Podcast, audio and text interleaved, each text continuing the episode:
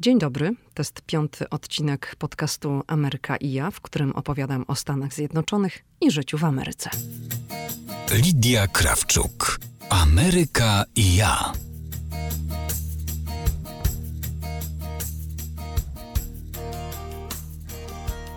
Mieszkam w USA od 2009 roku. W eterze można mnie usłyszeć na falach radia RMF Classic, a w sieci odnaleźć na blogu Ameryka i ja. Dziś zapraszam Cię na drugą część zestawienia pod hasłem 10 dziwnych rzeczy w USA.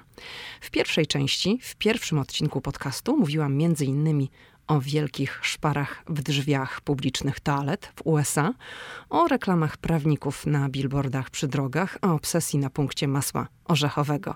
Dziś kolejne przykłady. Okej, okay, to zaczynamy drugą dziesiątkę. Numer jeden. Klapki i gołe nogi w środku zimy. Nie zdziw się przyjeżdżając zimą do USA, że zobaczysz ludzi ubranych nieodpowiednio do pogody. Możesz natknąć się na kogoś w puchowej kurtce i japonkach. Możesz zobaczyć kogoś w kurtce i krótkich spodenkach lub kogoś, kto ma klapki, gołe nogi i lekką bluzę na sobie. Japonki do puchowej kurtki to zestaw charakterystyczny dla pań. Najczęściej tych, które wyskakują po coś do sklepu. Krótkie spodenki, bluzy i adidasy to z kolei męska domena. Trend jest tak zauważalny, że artykuł na ten temat pojawił się nawet w tak poważnym dzienniku jak The Wall Street Journal. Gazeta próbowała rozgryźć, skąd to się bierze. Cóż, nie ma tu wielkiego halo. Chodzi o mobilność i wygodę. Większość Amerykanów ubierających się w ten sposób zimą uważa, że grube ubrania i kurtki blokują ruchy, a to prowadzi do dyskomfortu.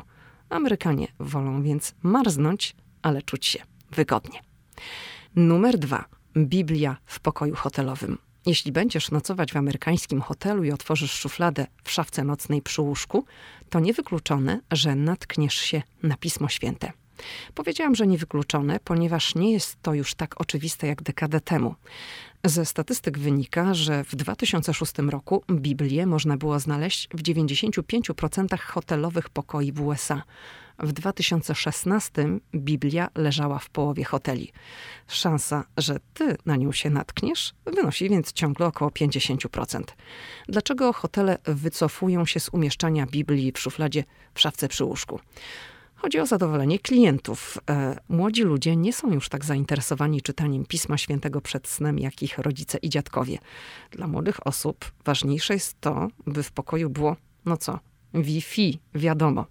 Poza tym menadżerowie hoteli mają na uwadze turystów zagranicznych, muzułmanów i buddystów. Nie chcą, by ci poczuli się urażeni, że sugeruje im się czytanie Pisma Świętego w łóżku.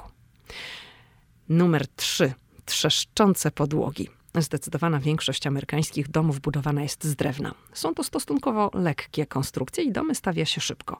Na podłogach w parterowej części dominują najczęściej płytki lub panele.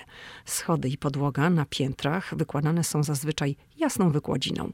Jednak kiedy będziesz stąpać po takiej podłodze w domu, który ma już parę ładnych lat, to podłoga będzie ci trzeszczeć pod stopami, mimo że pokryta jest wykładziną.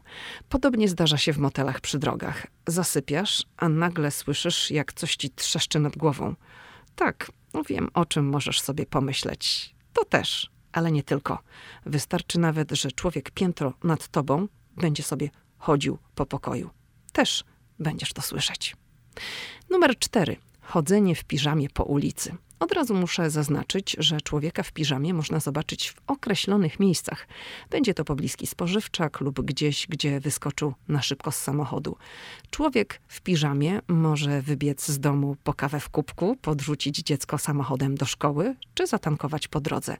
Należy zaznaczyć też, że wiele zależy od dzielnicy i okolicy. Amerykanie ogólnie rzecz biorąc nie przywiązują wielkiej wagi do stroju. Po pracy dominują koszulki, krótkie spodenki i spodnie do jogi, a że spodnie od piżamy często wyglądają jak spodnie dresowe, to dla niektórych Amerykanów nie ma specjalnej różnicy. Numer 5. Apteki niczym centra handlowe. Amerykańskie apteki różnią się znacząco od polskich. Większość polskich aptek wygląda tak. Za ladą stoi farmaceuta i podaje leki, niezależnie od tego, czy są to leki na receptę, czy nie. USA farmaceuta podaje tylko leki na receptę, odmierzając dokładnie taką ilość tabletek, jaka została zapisana przez lekarza. Leki bez recepty leżą na regałach, do których każdy może podejść. Można przechadzać się między nimi swobodnie i poczytać co jest na co. I tu jeszcze muszę uściślić. To nie jest rząd, w którym jest kilka regałów. To jest kilka rzędów regałów. Jeden ciąg mogą e, stanowić same środki przeciwbólowe. Po co aż tyle może pomyślisz? Cóż, różne firmy i różne opakowania, od kilku sztuk po kilkaset. Nie spotkałam w USA tego typu apteki, co w Polsce, małej, kameralnej. W USA bardzo popularna jest sieć CVS Pharmacy. Jest to drogeria połączona z apteką, w której wydzielona jest też część spożywcza.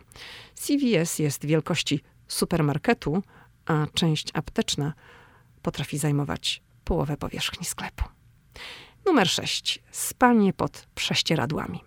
W Polsce zestaw pościeli wygląda tak. Prześcieradło, kołdra w poszewce, do tego poduszki też w poszewkach. W USA również znajdziesz taki zestaw, najszybciej w Ikei.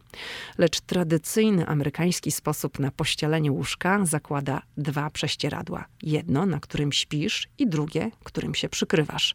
Na to dopiero idzie kołdra i dużo poduszek.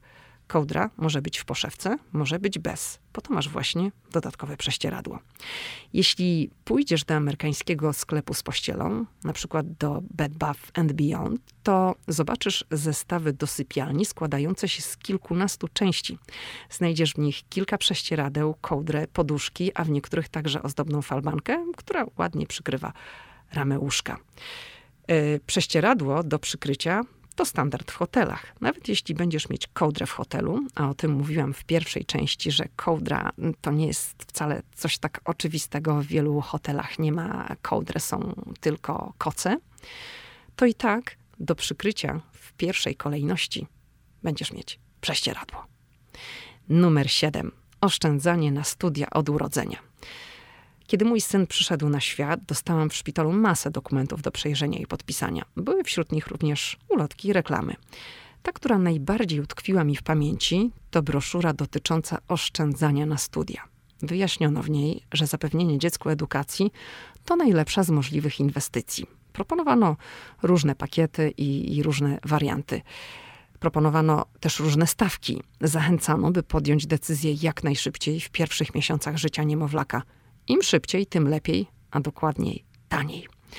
Edukacja na poziomie koledżu jest w USA płatna. Koszty związane ze studiami wynoszą od kilkunastu do kilkudziesięciu tysięcy dolarów rocznie. Wysokość stawki jest zależna od tego, czy uczelnia jest prywatna, czy nie, od prestiżu uczelni i od tego, czy studiuje się na terenie własnego stanu, czy poza stanem. Stąd różne fundusze namawiają, by na studia oszczędzać od momentu przyjścia na świat. Numer 8. Ceny na towarze bez podatku. Jadąc do USA, musisz przygotować się na to, że robiąc zakupy przy kasie, zostanie ci doliczony podatek. Ceny na towarze nie zawierają bowiem podatku. Dlaczego? Ponieważ wysokość podatku różni się w zależności od stanu. Cena tej samej rzeczy, tego samego producenta będzie inna w Nowym Jorku, a choćby inna w stanie Virginia. Podatek wynosi kilka procent. Dzięki cenom bez podatku producenci mogą choćby reklamować towar w całym kraju, podając jedną stawkę, lecz przy płaceniu będą różnice. Jeśli więc planujesz pobyt w kilku stanach USA i przy okazji zakupy, to sprawdź, gdzie podatek od towarów jest najniższy. Numer 9. Zatykające się toalety. To nie jest temat, przy którym chciałabym się wdawać w szczegóły, lecz warto zwrócić na to uwagę. Może ci się to przydarzyć w hotelu, motelu, zwłaszcza jeśli hotel czy motel będą stare. Może się to przydarzyć u cioci albo wujka, jeśli mają łazienkę z odpowiednim stażem. Potencjalna historia jak z horroru, która może cię spotkać w Stanach Zjednoczonych w toalecie, wynika z kształtu miski WC. Ujście takiej miski jest po prostu wąskie. I nie myśl sobie, że toaleta zatka się dlatego, że ty przesadzisz i zrobisz tam nie wiadomo co. Czasem wystarczy, że to zwykłe siusiu i standardowa ilość papieru toaletowego. I ostatni punkt, dziesiąty. Zapis daty. Najpierw miesiąc, potem dzień i rok. W większości krajów na świecie datę zapisuje się następująco: dzień, miesiąc, rok. Amerykanie rozpoczynają zapis daty od miesiąca. Weźmy na przykład datę publikacji tego podcastu w internecie. 6 sierpnia 2019. Po amerykańsku zapiszemy ją tak: 08 łamane na 06 łamane na 2019. Dla ciebie, osoby z Polski, taki zapis to 8 czerwca 2019. Dla Amerykanina to będzie 6 sierpnia, bo jak powiedziałam na wstępie, najpierw dzień, potem miesiąc, a na końcu rok. Przy okazji wspomnę też o dniach tygodnia w kalendarzu. W USA tydzień rozpoczyna się od niedzieli, a nie tak jak w Europie od poniedziałku. Przypominam na koniec, że była to druga dziesiątka dziwnych rzeczy w USA. Pierwszą znajdziesz w pierwszym odcinku podcastu Ameryka i ja. To tyle na dziś. Pozdrowienia z Waszyngtonu i do usłyszenia w kolejnym odcinku.